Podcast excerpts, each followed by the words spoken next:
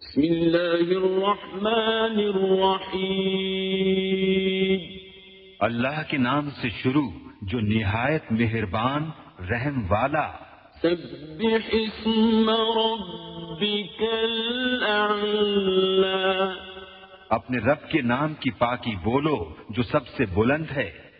الذي خلق فسوى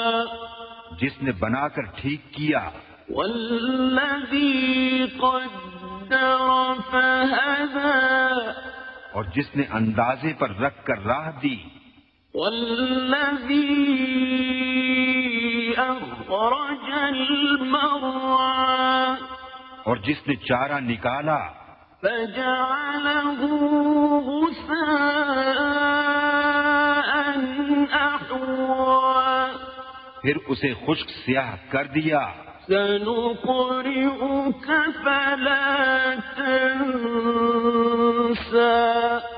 अब हम तुम्हें पढ़ाएंगे कि तुम ना भूलोगे إلا ما شاء الله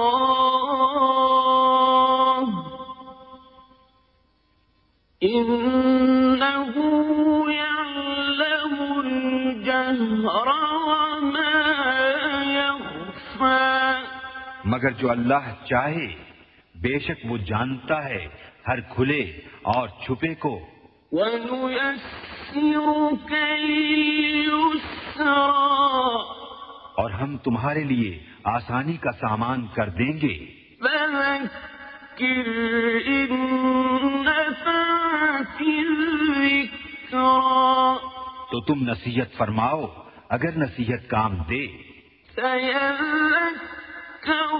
من يخشى अनकरीब नसीहत मानेगा जो डरता है ويتجنبها الأشقى और उससे वो बड़ा बदबख्त दूर रहेगा الذي يصلى النار الكبرى जो सबसे बड़ी आग में जाएगा ثم لا يموت فيها ولا يحيا फिर न उसमें मरे और न जिए قد أفلح من تزكى बेशक मुराद को पहुंचा जो सुथरा हुआ وذكر اسم ربه فصلى और अपने रब का नाम लेकर नमाज पढ़ी بل تؤثرون الحياة الدنيا